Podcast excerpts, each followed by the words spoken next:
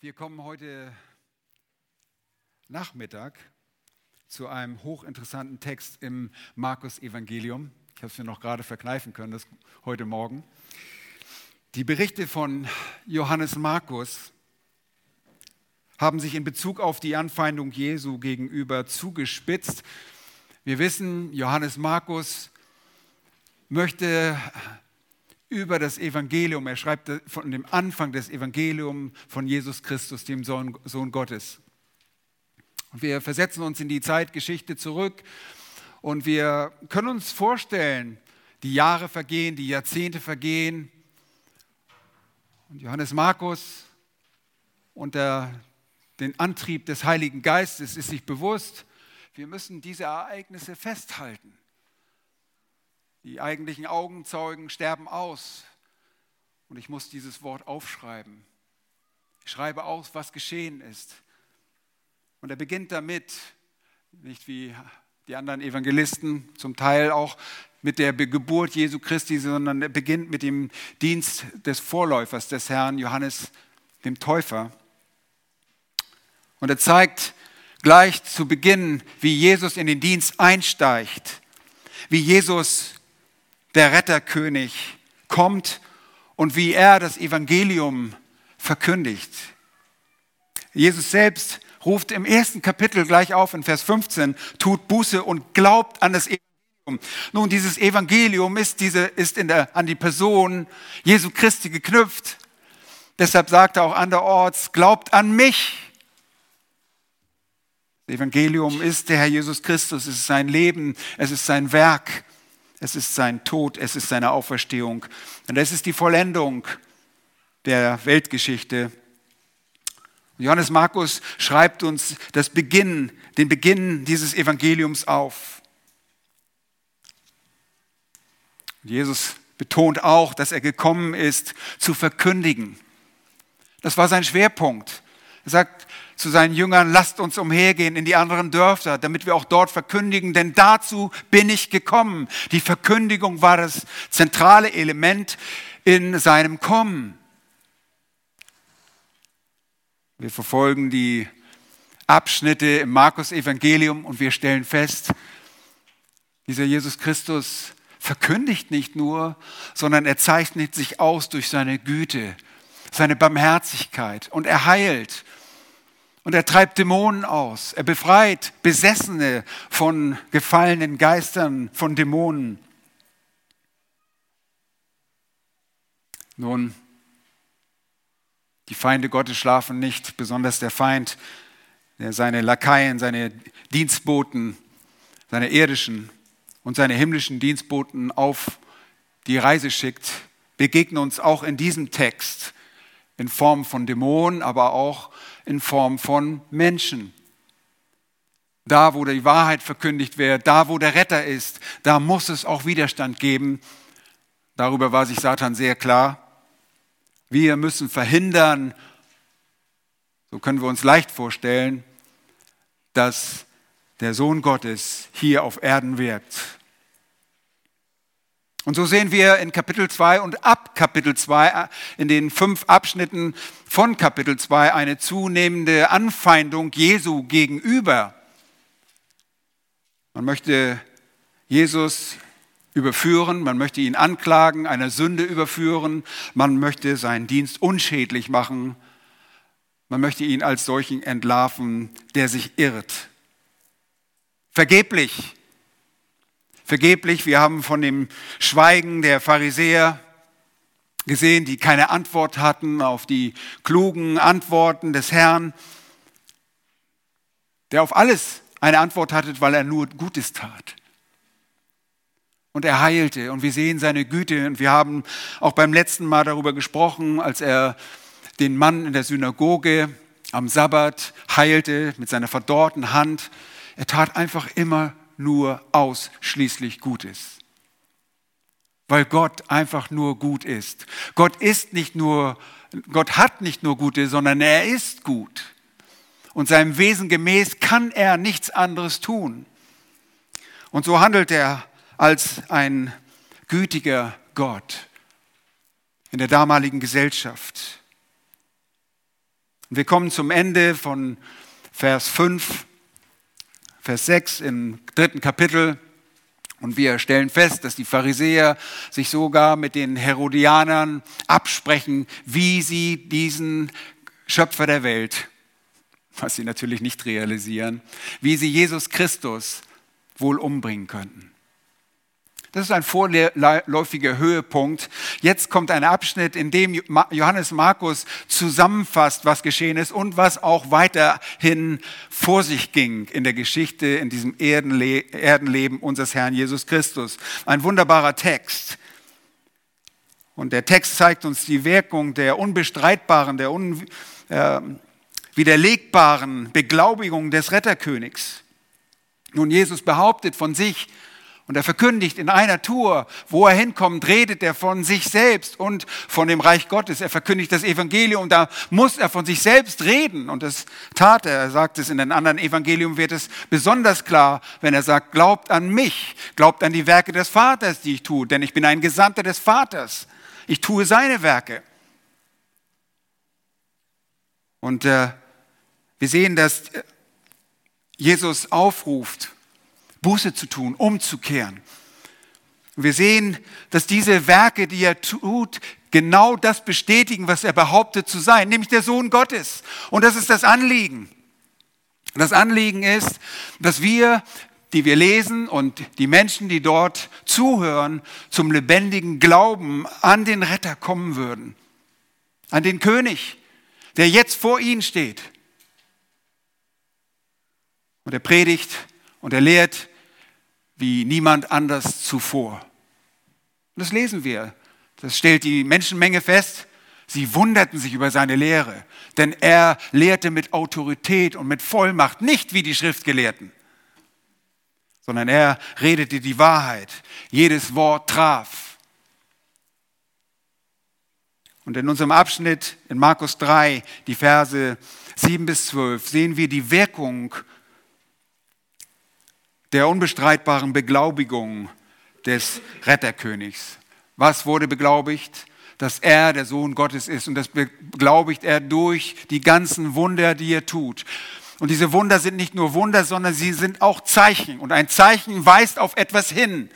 Ein Zeichen weist darauf hin, dass er derjenige ist, der kommen sollte. Wir kennen das aus dem Johannesevangelium, dass Johannes ganz spezifisch sich Zeichen erwählt. Und am Ende seines Evangeliums sagt er, diese Zeichen sind geschrieben, damit ihr glaubt, dass Jesus der Christus ist, der Sohn Gottes.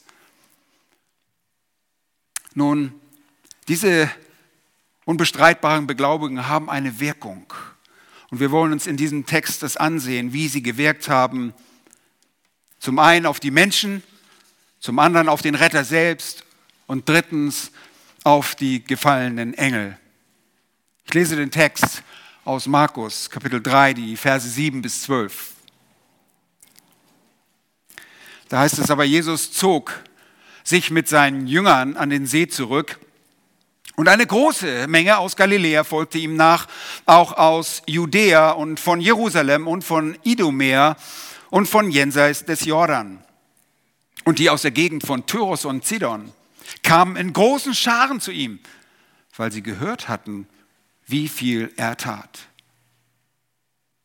Und er befahl seinen Jüngern, ihm ein kleines Schiff bereitzuhalten, um der Volksmenge willen, damit sie ihn nicht bedrängten. Denn er heilte viele, sodass alle, die eine Plage hatten, sich an ihn, ihn herandrängten, um ihn anzurühren. Und wenn ihn die unreinen Geister erblickten, fielen sie vor ihm nieder, schrien und sprachen, du bist der Sohn Gottes. Und er gebot ihnen streng, dass sie ihn nicht offenbar machen sollten. Soweit der Text. Ich möchte dich persönlich heute Morgen, heute Nachmittag, ich habe es doch noch geschafft, heute Nachmittag herausfordern, darüber nachzudenken, wie das Erdenleben, der Dienst des Herrn Jesus Christus, wie du ihn hier liest, wie er auf dich wirkt. Welche Auswirkungen hat das auf dein Leben? Frag dich ganz persönlich, was bewirkt dieses Leben? Diese Dienst, diese unwiderlegbaren Beglaubigung des Retterkönigs, was bewirken sie in deinem Leben? Nun bisher zeigte Markus uns die unbestreitbaren, beglaubenden Werke der Sohnschaft Jesu. Er, der Sohn Gottes, ist der Gott, der kommen sollte. Ihr Lieben, das belegen seine Werke sehr deutlich. Wir brauchen, der Schreiber braucht nicht mal sagen, dies sind Beglaubigungen. Er braucht nicht sagen, dies sind Zeichen. Wir lesen es und wir stellen fest, das ist etwas Außergewöhnliches. Hier ist nicht nur ein normaler Mensch am Werke. Und das Offenbaren von Jesus geschah deshalb, um Verlorene von der Sünde und von dem verdammenden Todesurteil, das über ihnen stand und steht, erlösen sollte. Er kam, um Menschen zu suchen und sein Leben als Lösegeld für diejenigen zu geben, die an ihn glauben würden. Und wir denken, sehr leicht. Man kann doch sehr leicht an ihn glauben, wenn man das alles sieht. Nun, in unserem Abschnitt fasst Markus gewissermaßen nochmal zusammen, was bisher aus den Texten zuvor ersichtlich ist. Und ich möchte nochmals, bitte passt auf, diese Themenfrage stellen, damit ihr sie nicht verpasst, die ihr auch auf dem Gemeindeblatt finden könnt. Was bewirkt der Retterkönig in deinem Leben? Wir setzen uns äh, zurzeit auch als Älteste zusammen und sagen, wir wollen euch nicht nur irgendwelche geschichtlichen Fakten vermitteln, sondern wir wollen, dass ihr diese Wahrheiten des Wortes Gottes auf euer Leben anwendet. Fragt euch das bitte auch in dieser Woche, wie ihr mit diesen Wahrheiten in eurem persönlichen Leben umgeht. Nun, was hat er bisher durch die Offenbarung seiner selbst in deinem Leben bewährt? Frag dich. Du sitzt hier und hörst auf das Wort Gottes und hoffentlich liest du auch von diesen grandiosen Wahrheiten aus dem irdischen Leben des Herrn Jesus zu Hause. Und ich frage dich ganz persönlich, was bewirkt der Herr dadurch in deinem Leben? Habt ihr es verstanden? Das war jetzt dreimal. Ich habe gehört, dreimal ist irgendwie so eine magische Zahl, dann vergisst man das auch nicht so schnell. Liest du die Bibel wie ein Roman? Eine Fiktion oder ist es das irrtumslose Lehrbuch des lebendigen Gottes? Und wenn du glaubst, dass diese Ereignisse real und wirklich stattgefunden haben, dann musst du auf diese Dinge eine Reaktion zeigen. Und diese Reaktion möchte ich heute Nachmittag zeigen, die auch die Werke Jesu in dem Leben der Menschen hatten, die zu ihm kamen. Wir beginnen mit der Wirkung der unbestreitbaren Beglaubigung des Retterkönigs die Wirkung auf diese Menschen.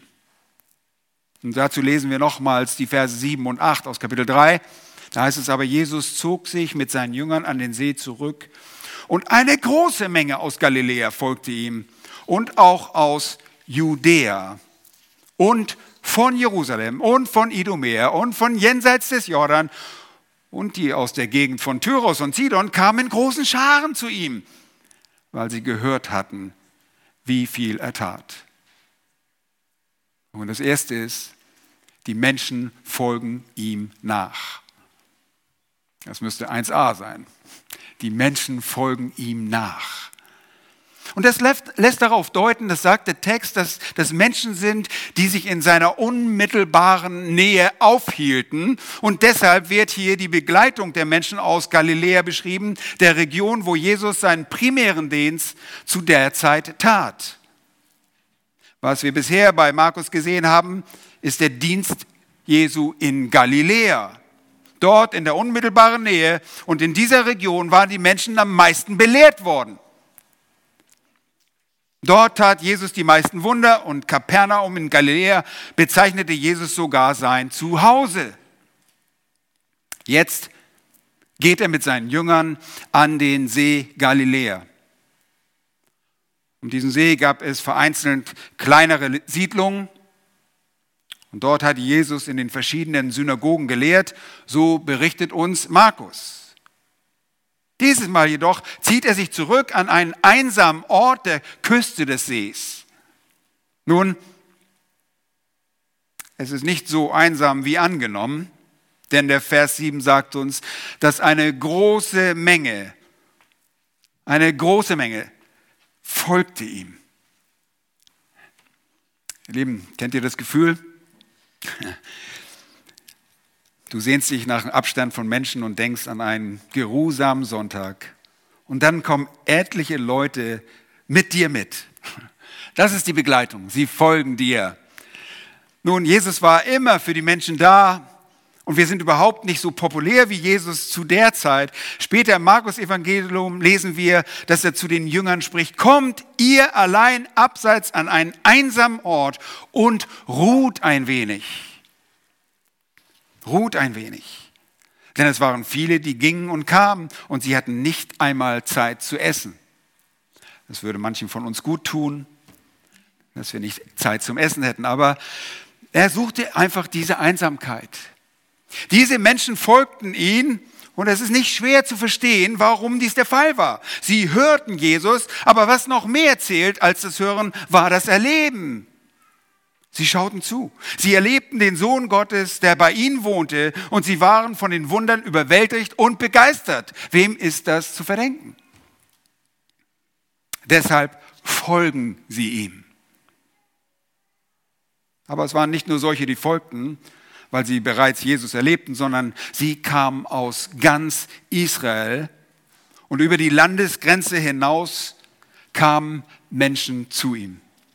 Bitte schaut auf das Ende von Vers 7. Da heißt es, auch aus Judäa und in Vers 8 und von Jerusalem und von Idumea und von jenseits des Jordan und die aus der Gegend von Tyros und Sidon kamen in großen Scharen zu ihm, weil sie gehört hatten, wie viel er tat. Nun, welche Wirkung hatten die unwiderlegbaren Beglaubigungen, Beglaubigungen des Retterkönigs auf diese Menschen. Erstens, sie folgten ihm und zweitens 1b, sie kommen zu ihm in großer Zahl. Das ist ein kleiner Unterschied. Und zwar aus allen Gebieten Israels. Solche, die ihn nicht gesehen hatten, sondern solche, die gehört haben. Aus Galiläa, Judäa, Jerusalem, Idumea, einem Gebiet südlich von Judäa, und von jenseits des Jordan, Transjordanien. Und hier sprechen wir höchstwahrscheinlich einfach von Perea. Nun, darüber hinaus kamen die Phönizier, das wird hier in dem Text mit Menschen aus der Gegend von Tyros und Zidon beschrieben, die größeren Städte Phöniziens, die an der Mittelmeerküste lagen, nördlich von Israel, wo wir heute den Libanon und Syrien finden. Wir haben zum einen Menschen, die ihm folgen und ihn bereits erlebt hatten, und zum anderen solche Menschen, die von ihm gehört haben. Was hatten sie gehört? Dass er toll lehrte, dass er Menschen zum Glauben aufrief und verlangte, Buße zu tun? Das sagt nicht der Text. Keineswegs. Der Text am Ende von Vers 8 sagt, weil sie gehört hatten, wie viel er tat. Und das, was Jesus tat an Wundern, das war so überwältigend, dass es die Menschenmassen anzog. Und wenn du heute einen Bericht in der Fotozeitung, ich habe ein Wort äh, ersetzt, in der Fotozeitung liest, Berliner Parkklinik leer. Heiler ging durch die Berliner Parkklinik. Es ist leer. Dann würden wir sagen, okay, was für eine Zeitung hast du denn da vor? Ach, die Fotozeitung, alles klar. Gut. Wer glaubt das? Kein Mensch glaubt es. Nun, diese Leute konnten es glauben, weil sie in dem, was Jesus tat, zum Teil einfach ihre letzte Hoffnung sahen. Diese Leute kamen nicht nur, weil sie schaulustig waren, sondern sie brachten auch Kranke mit. Und Jesus heilte alle. Das ist interessant. Er barmte sich einfach und tat alle. Und ihr Lieben, das war nicht nur, weil er barmherzig ist, das ist er immer, und weil er was Gutes tut, das ist er immer. Wir sehen das an euch. Ihr sitzt hier, weil es euch gut geht weil er so gut ist mit euch. Er erhält eure Gesundheit. Ihr seid hier. Und wenn wir einige Schmerzen haben und einige Probleme haben, so seid ihr dennoch gesund genug, um hier zu sein. Das ist eine Gnade Gottes. Und so hörten sie, oh, dieser Jesus, der kann heilen. Und das, was Jesus tat an Wundern, das war so überwältigend, dass er die Menschenmassen anzog. Da kamen nicht nur ein paar Krümelchen von Leuten an, hier und da drei und vier, sondern das sind wirklich große Scharen. Hier handelt es sich nicht um zehn und zwanzig Leute, sondern hier entsteht sogar ein Gedränge. Wir haben einen kleinen Auszug davon im Markus Evangelium gesehen, was Jesus alles tat. Aber seine Wunder, die Zeichen seiner Gottheit waren, könnten nicht einmal die Menge der Bücher fassen. Johannes beendet sein Evangelium wie folgt. Da heißt es, es sind aber noch viele andere Dinge, die Jesus getan hat. Und wenn sie eines nach dem anderen beschrieben würden, so glaube ich, die Welt würde die Bücher gar nicht fassen, die zu schreiben wären. Johannes 21, 25. Diese Taten lockten die Menschen aus ganz Israel an und sogar aus heidnischem Gebiet. Von außerhalb Israels kamen sie nicht nur vereinzelt an den See Genezareth, sondern sie kamen, wie heißt es dort, in großen Scharen. Vers 8. Und die aus der Gegend von Tyros und Zidon kamen in großen Scharen zu ihm. Nun, sie kamen weil sie von ihm gehört hatten, wie viel er tat. Und Jesus war zu diesem Zeitpunkt noch nicht einmal bei ihnen gewesen, das heißt in Tyros und Sidon. Später lesen wir, dass er dort ist, in Markus 7, 24, da heißt es, und er brach von dort auf und begab sich in die Gegend von Tyros und Sidon und trat in das Haus, wollte aber nicht, dass es jemand erfuhr und konnte doch nicht verborgen bleiben. Es hatte sich bis dahin herumgesprochen. Er befreite dort die Tochter einer Griechin aus Syrophönizien von einem unreinen Geist. Jetzt sind es diese Menschen, die das gehört haben im ersten Dienstjahr, zum ersten, nach dem ersten Dienstjahr Jesu, kommen sie bereits aus einem entfernten heidnischen Land. Nun, welche Wirkung hatten die unwiderlegbaren Beglaubigungen des Retterkönigs auf diese Menschen? Erstens folgten sie ihm und sie kamen zweitens aus ganz Israel und darüber hinaus aus der Gegend und Tyros und Sidon. Drittens, beziehungsweise 1c, lesen wir in Vers 9, sie bedrängten ihn. Das ist eine Reaktion. Sie bedrängten ihn. Es macht Sinn, es kommen viele Leute und jetzt bedrängen sie ihn. Die Wirkung der unwiderlegbaren Glaubigung des Herrn Jesus waren, dass sie ihn bedrängten. Vers 10, sich an ihn herandrängten. Und das spricht davon, dass sie mit ihm auf Tuchfühlung gehen wollten. Das spricht davon, dass es sich nicht nur um eine kleine Gruppe handelte, denn es ist schwierig, sich mit drei Leuten zu drängeln. Ähm, hier ist eine große Gruppe und jeder möchte möglichst bei Jesus sein und ihn berühren. Sie wollten ihn berühren, weil sie wussten, dass Heilungskraft von ihm ausging. Und das lesen wir an anderen Stellen. Eine Berührung reichte, um geheilt zu sein. Nun, wer wollte nicht in der Nähe des Herrn sein, der solche mächtigen Taten vollbrachte? Ich weiß, einige von euch wären sofort da. Nicht, weil ihr krank seid, sondern weil ihr schaulustig seid. Wir unterscheiden uns nicht von dem, aber wir wollen bei Jesus sein. Nun, hier gibt es noch keine Wertung dazu, ob das gut oder schlecht ist. Jesus zieht diese Massen an und das ist die Wirkung. Viertens, Sie wurden geheilt. 1d. Sie wurden geheilt. In Vers 10 heißt es, denn er heilte viele. Er sagte, nein, nein, du qualifizierst dich nicht. Du musst wieder weggehen. Nein, er heilte einfach viele. Er heilte diese Leute, die zu ihm kamen. Ob sie Glauben besaßen oder keinen Glauben besaßen. Er heilte sie. Und er spricht einfach davon, dass er, der barmherzige Gott, derjenige ist, der behauptete zu sein. Er heilte viele, Vers 10. Und deshalb kamen die Menschenmengen, die viele Kranke mit sich brachten. Und mal ganz ehrlich, würdet ihr nicht auch gerne mal sehen, wie eine verdorrte Hand auf einmal wieder bing, funktioniert? Oder ein Lama von seiner Matte wieder aufsteht, der nie zuvor gegangen ist? Nicht schlecht, oder? Das würde ich auch gerne sehen.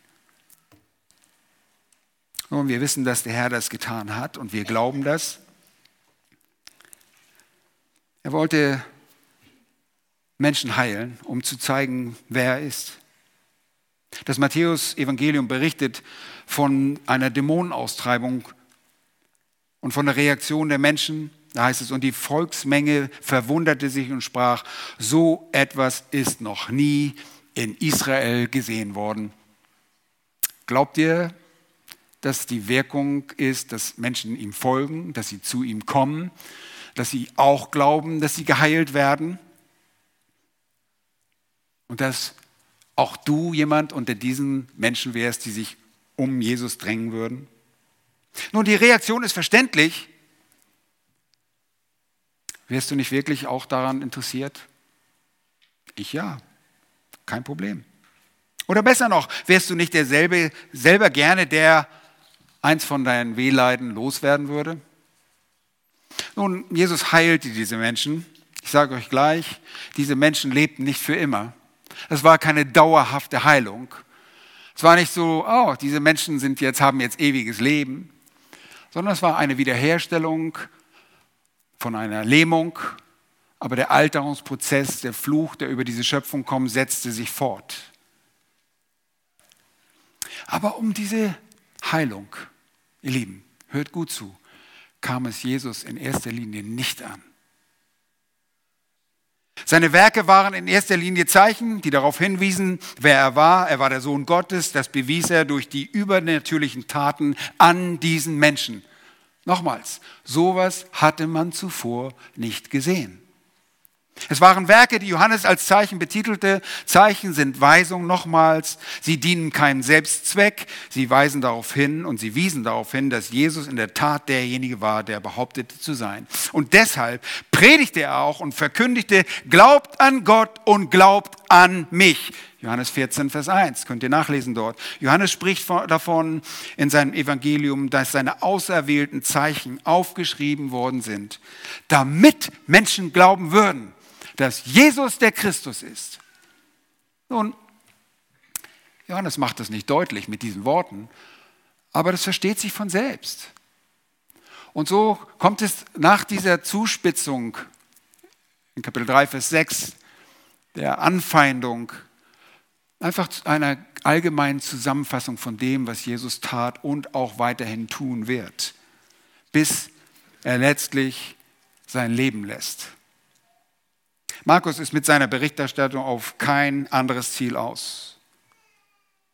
Und Jesus möchte mit seinen Werken das erreichen, dass sie ihn als den Sohn Gottes identifizieren würden. Johannes schreibt auch in seinem Evangelium von den Worten, die Jesus sagte, glaubt mir, dass ich im Vater bin und der Vater in mir. Wenn nicht, so glaubt mir doch um der Werke willen. Und er betonte immer wieder, ich tue die Werke des Vaters. Wir haben vorhin gesungen, dass wir Gesandte sind, so wie, der, so wie mich der Vater gesandt, so sende ich euch. Jesus wurde gesandt vom Vater und tat die Werke des Vaters.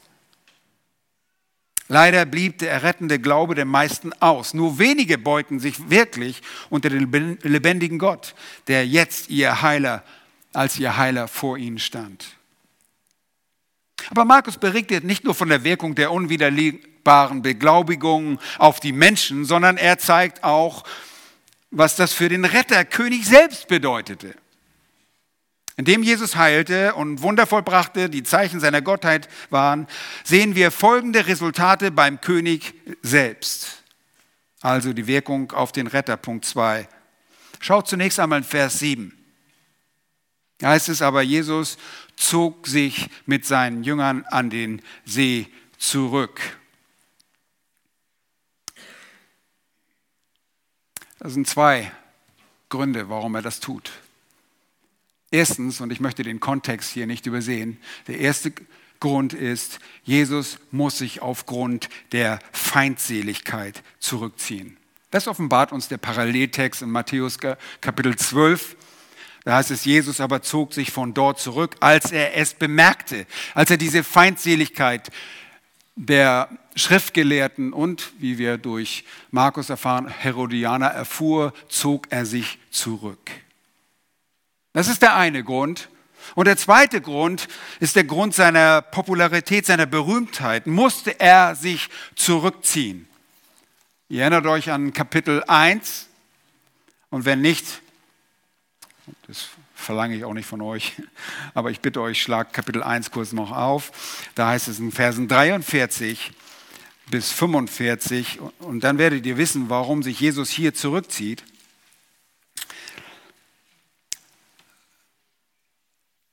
Jesus erbarmte sich dort über einen Mann und er reinigte ihn vom Aussatz.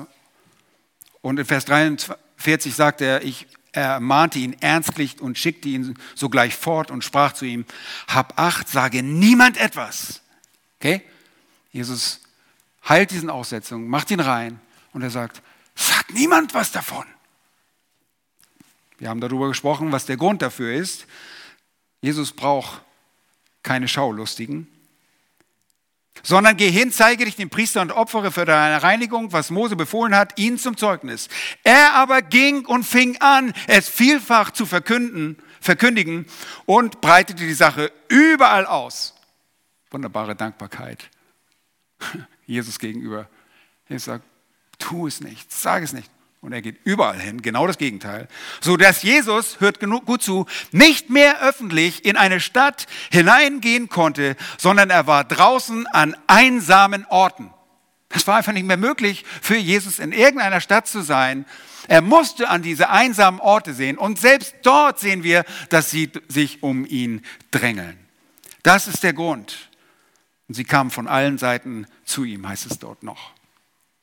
Also erstens, die Wirkung dieser Taten ist, dass er sich zurückzieht. Kontext sagt, er musste sich auch zurückziehen, weil sie ihn überlegten, wie sie ihn umbringen würden. Aber zum anderen konnte er sich nicht mehr in den Städten und Ortschaften versammeln.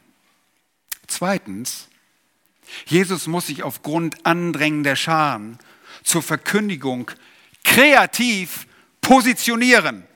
Was heißt das denn schon wieder? Borchmann, was hast du dir da denn wieder einfallen lassen? Nun schaut einmal in Vers 9. In Vers 9 lesen wir folgendes. Da heißt es, und er befahl seinen Jüngern, ihm ein kleines Schiff bereitzuhalten, um der Volksmenge willen, damit sie ihn nicht bedrängten. Was war das Anliegen Jesu? Hat er gesagt, kommt hier, Massenabfertigung, stellt euch in Schlangen auf, ich berühre euch alle, alle mal durchlaufen? Nein, das ist nicht sein Anliegen. Was will er mit diesem Schiff? Ein Fischerkurs, natürlich ein Kurs in Nautik auch nicht. Nein, es geht darum, dass er den Abstand zu diesen Leuten gewinnt, damit er zu ihnen reden kann. Er ist gekommen, um zu verkündigen. Er ist nicht gekommen, um zu heilen und der große Wunderheiler zu sein. Genau das wollte er vermeiden. Deshalb mahnte er, übrigens auch äh, die Leute, die er heilte, auch in dieser Begebenheit, mahnte er auch die Menschen, nicht weiterzusagen, was er getan hatte. Und wir sehen das gleich, dass er auch keine Publicity von gefallenen Dämonen will. Aber hier, er muss sich aufgrund dieser andringenden Scharen etwas einfallen lassen. Ha, da ist ein Boot. Und ihr glaubt nicht, das funktioniert. Nun, als auf unserer Israelreise, unserer Studienreise 1998, hat sich unser Professor an den Rand des Sees gestellt und wir durften uns in eine, ich glaube, das machen alle Israelreisende, Thomas auch, kann das bestimmt bestätigen. Die Akustik dort im Norden des See Galiläas ist ausgezeichnet. Er stellte sich an den Rand des Sees, nicht auf einem, in einem Boot, aber von einem Boot ist es natürlich noch besser. Wir wissen alle, Liebespaare auf einem Boot ist schlecht. Das überhört man, was da geredet wird. Das kann man sehr weit hören. Sucht euch einen anderen Platz aus, wenn ihr jemanden einen Antrag stellt, damit das nicht alle mitkriegen. Aber wenn, Jesus, wenn jemand dort spricht, der Professor stand dort am Rand des Sees und wir haben uns in einer, einiger Entfernung aufgestellt und konnten die Worte sehr gut verstehen. Und das ist die Idee dabei. Jesus muss aufgrund dieser andrängenden Scharen sich kreativ positionieren und er spricht zu ihnen bringt mir ein Boot, stellt mir ein Boot zur Verfügung.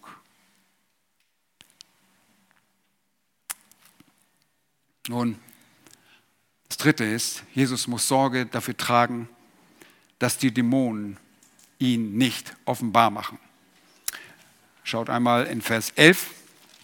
Dort in Vers 11 heißt es, und wenn die unreinen Geister ihn die unreinen Geister erblickten, und diese Geister sind gefallene Engel, Und davon gibt es eine ganze Menge, äh, die jetzt vor ihm niederfallen und schrien und sprachen, du bist der Sohn Gottes. Jesus muss dafür Sorge tragen, dass das nicht geschieht. Schaut einmal in Kapitel 1 nochmal zurück in Vers 44. Und da lesen wir, habt Acht, dass niemand etwas, äh, habt Acht, sage niemand etwas. Das war das, was er diesen Mann sagte und das sagt er jetzt auch den Dämonen. Er befiehlt ihnen. Und das kommt immer wieder vor. Ist euch das mal aufgefallen? Wenn Jesus an verschiedene Orte kommt, die Dämonen kommen und er wird ihnen verbieten zu sprechen. Er sagt ihnen, verschweigt und er treibt sie aus. Und das ist eine Reaktion darauf. Er wollte keine Publicity durch böse Mächte. Und wir sehen das später auch im Leben des Apostel Paulus. Der handelt genauso. Es laufen ihm besessene Leute hinterher. Und er, Paulus hat die, äh, die Nase voll und er treibt diese Leute aus. Nun, die Frage ist, warum passiert das bei uns nicht mehr so oft? Äh, ich glaube, unsere Botschaft ist zu schwach. Die, Dämonen geraten gar nicht in Panik, wenn wir kommen, äh, sonst würden sie auch schreien. Aber bei Jesus gerieten sie wirklich in Panik. Der Sohn Gottes. Und sie konnten sich nicht zurückhalten. Und, und das führt uns zu dem dritten Punkt auf die gefallenen Engel. Wie, welche Wirkung hatten diese unwiderlegbaren Beglaubigungen auf die gefallenen Engel? Nun, zum einen, er setzt sie in Panik. Sie sehen ihn nur, sie erblicken ihn nur. Und seine Erscheinung reicht, Vers 11. Und wenn die unreinen Geister ihn erblickten, fielen sie vor ihm nieder, schrien und sprachen, du bist der Sohn Gottes. Und sie wussten allzu gut, wer der Sohn des Menschen war, und sie brauchten nicht mal die Beglaubigung dazu. Sie wussten schon vorher, dass er der Sohn Gottes war und der Sohn Gottes ist. Sie fürchteten sich vor dem kommenden Gericht und in ihrer Panik fallen sie vor ihm nieder. Das ist das Erste. Sie fallen vor ihm nieder. Und ihr Lieben, das ist ein Gefallen, ein Fallen aus Furcht, ein gezwungenermaßenes Fallen im Gegensatz zu einer anbeten, einem anbetenden Niederfallen.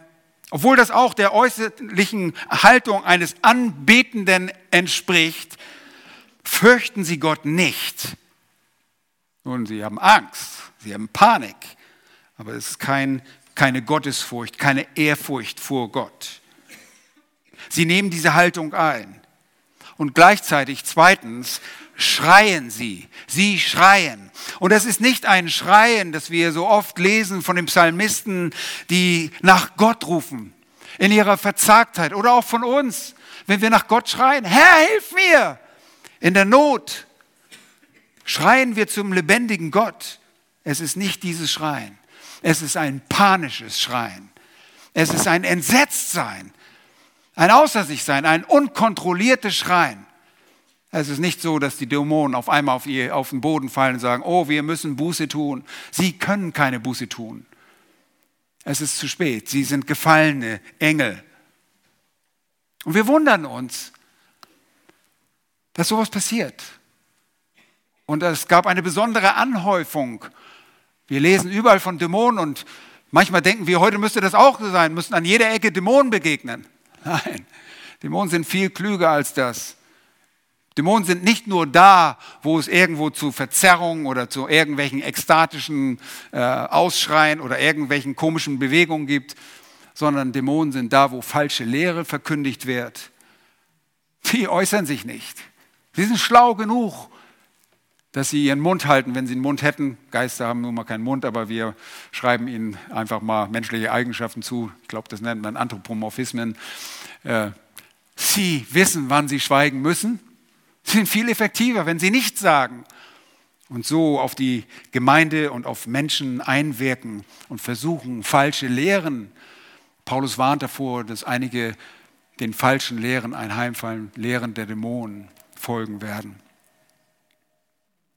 Nun, Hier heißt es jetzt als drittes, sie bekennen die Wahrheit. Das ist eine der Wirkungen. Man fragt sich, der Feind schlägt sich auf die Seite Gottes? Ist das die Absicht? Das heißt dort, du bist der Sohn Gottes. Halleluja, sogar die Dämonen müssen ihn verkündigen. Ist das, der, ist das eine wunderbare, ehrwürdige Haltung dieser Dämonen? Ist das zu loben? Nein. Und wir sehen auch die, die Reaktion des Herrn. Er gebot ihnen streng. Und das sagte ich schon, Jesus muss Sorge dafür tragen, dass die Dämonen ihn nicht offenbar machen. Er verbot ihnen streng, dass sie ihn nicht offenbaren sollten. Sowohl Menschen gebot er es, als auch den gefallenen Engeln, obwohl sie die Wahrheit sagten. Nun, bei den Menschen war es so, dass er einfach kein Schauspiel hervorrufen wollte. Er wollte nicht, dass Menschen deshalb kommen, weil große Wunderheilungen geschehen. Hier ist es einfach, er will nicht vom Feind. Menschen werden verwirrt. Ihr Lieben, eins der häufigsten Gespräche, die wir führen, ist mit Leuten, die denken, oh, diese Gruppe von Leuten sind nicht so schlecht. Sie sagen, das und das wäre auch richtig. Die Katholiken hassen auch Abtreibung. Die sind ja gar nicht so schlecht. Ja, besonders Leute, die der Wahrheit sehr nahe kommen und sogar noch die Wahrheit ausdrücken, aber nicht auf der Seite Gottes sind, sind gefährlich. Und Jesus möchte das nicht haben. Und Jesus verbietet ihnen, so von ihm zu reden. Obwohl sie genau wissen, wer er ist. Sie haben Jahrhunderte, Jahrtausende Erfahrung mit ihm. Die gefallenen Engel fürchten ihn und sie wissen sogar, dass er sie quälen wird. Ihr erinnert euch an eine Begebenheit, da sprechen die Dämonen, bist du gekommen vor der Zeit, um uns zu quälen? Der Zorn Gottes ist über diesen Dämonen. Nun, wir sehen hier einfach diesen Text. Und dieser Text ist nicht kompliziert zu verstehen. Es sind einfach die Wirkungen auf diese unwiderlegbaren Beglaubigungen des Retterkönigs. Das ist das, was wir sehen. Und erinnert ihr euch noch an die Frage, die ich euch am Anfang gestellt habe? Meine Frage ist, wie du darauf reagierst. Meine Frage ist, liest du das einfach durch und sagst, ah, interessante Geschichte, ah, Bibel zu, aus, vorbei, wir gehen nach Hause, Heute Nachmittag gibt es noch Kaffee und Kuchen. Was hat diese Wahrheit in deinem Leben bewirkt oder was sollte sie bewirken? Was bewirkt es wirklich, wenn du siehst, dass Jesus mächtig genug ist? ist kennt ihr die anderen Wahrheiten über Jesus aus? Er ist der Unveränderliche. Gestern, heute und dasselbe auch in Ewigkeit. Glaubt ihr, dass Jesus heute diese Macht hat, euch zu heilen? Glaubt ihr das? Oder war er damals nur gütig und barmherzig? Ich sage euch noch einmal, die Tatsache, dass ihr hier sitzt, beweist, dass er ein gütiger und gnädiger Gott ist. Wisst ihr, wo wir alle hingehören? Vom Tag unserer Geburt an, der Sünder ist, was? Ein, wie heißt es da in Psalm 58? Von Geburt an ein, was? Ja, es ist sündig. Von Geburt an. Wir haben die ewige Verdammnis verdient. Und dass du hier sitzt, spricht einmal von der allgemeinen Gnade Gottes, wenn du noch kein Kind Gottes bist. Aber diese allgemeine Gnade Gottes, die hat ein Ende. Wenn wir hier gesungen haben, der Zorn, wir haben von dem Zorn gesungen, habt ihr das festgestellt? Der wird irgendwann ein Ende, du wirst nicht ewig zornig sein. Doch, dieser Zorn ist ewig. Er ist nur nicht für sein Volk ewig, weil er irgendwann Gnade schenken wird und sein Volk begnadigen wird. Aber der Zorn, der über deinem Leben jetzt steht, bleibt da, wenn du dich ihm nicht beugst. Wenn du dich dem lebendigen Gott nicht beugst, dann bleibt dieser Zorn auf dir. Und er wird eines Tages in dem ewigen Zorn enden, dass du in eine ewige Hölle gehen wirst. Und das ist die Wahrheit. Das hat nichts mit mittelalterlicher Überzeugung zu tun, sondern das sind biblische Wahrheiten. Und deshalb musst du dich fragen, was hat diese Wahrheit für eine Auswirkung in meinem Leben? Ist es eine Geschichte? Warum kommst du in den Gottesdienst? Kommst du hier hin, weil du ein paar Leute triffst, die ganz nett sind, coole Typen? So cool sind wir auch nicht. Also, aber dass du mal ein paar Leute triffst, nicht mehr allein zu Hause sein musst oder weil hier dein Gott ist, der alle deine Wünsche erfüllt Und wenn du ein bisschen Leid hast, dass du ihn dann absagst, ist das dein Grund, warum du hierher kommst? Frage dich, wie du darauf reagierst. Ihr Lieben, Gott heilt in der Person Jesu Christi. Der kann alles tun. Und wir wissen aus dem, aus dem Wort Gottes, und das ist unsere einzige Quelle, die wir haben, dass er sogar der Schöpfer ist. Er hat alles ins Dasein gesprochen und es war alles gut. Warum war das alles gut? Weil Gott nur gut ist. Er kann nur gute Dinge schaffen. Er hat alles gut geschaffen und das muss uns zum Handeln bewegen. Wir können solche Predigten, wir können solche Wahrheiten nicht einfach überfliegen und sagen, oh ja, Jesus hat gut geheilt, toll, toll, toll, gehen nach Hause und nörgeln weiter über unser eigenes Leben. Das passt nicht zusammen. Deshalb musste ich auch zu Beginn des Gottesdienstes beten und jeden Tag neu, Herr, vergib mein Kleinglauben, weil ich rumnörgel, weil ich vergesse, wie gut Gott ist, wie groß er ist Einfach diese Geschichten als eine Geschichte nehmen und sagen, oh, interessant, ja, ja. Und weggelegt, Bibel wieder zu, vergessen. Bei dem Gleichnis von dem Seemann, übrigens auch von einem Boot aus verkündigt, ist mir aufgefallen, die Seemannsgleichnisse kommen von, von der See. Da fällt das Korn auf den Weg und da kommt der Satan und pickt dieses auf es wird weggenommen. So, so geht es uns oft. Wir hören etwas, wir sind überführt und wir denken, oh ja, das stimmt, ich müsste das tun, ich müsste das tun, ich müsste das tun. Fang an.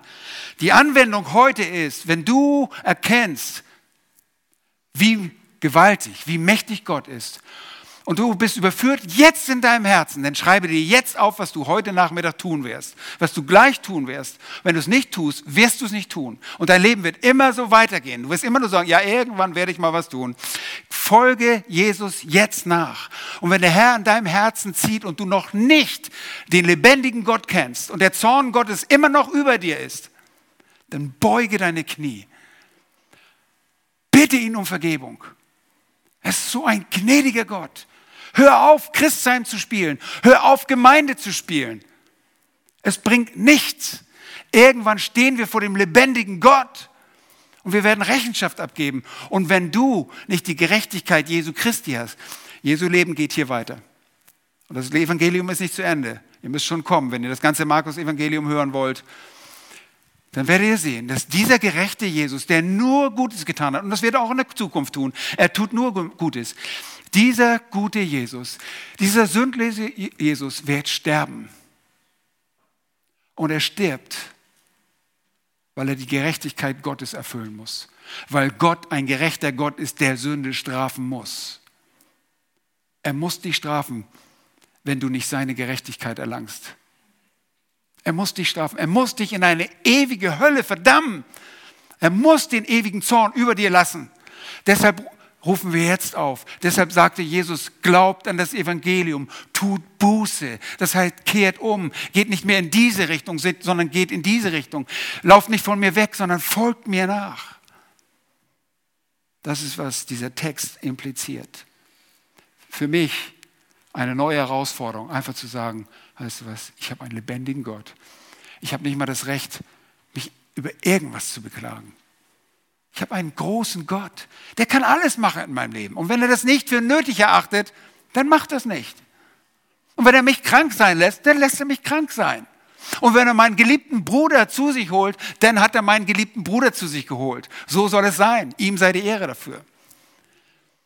Wir müssen an die Souveränität Gottes glauben und nicht nur theoretisch, sondern glaubst du ihm wirklich? Und deshalb frage ich dich nochmal, wie wirken diese Werke? Diese Bestätigung, diese beglaubigende Gottheit auf dein Leben. Und damit möchte ich enden und dich aufrufen, ernsthaft auch in dieser Woche darüber nachzudenken. Ist dein Christsein echt? Und ich bete dafür, dass Gott in deinem Herzen wirkt.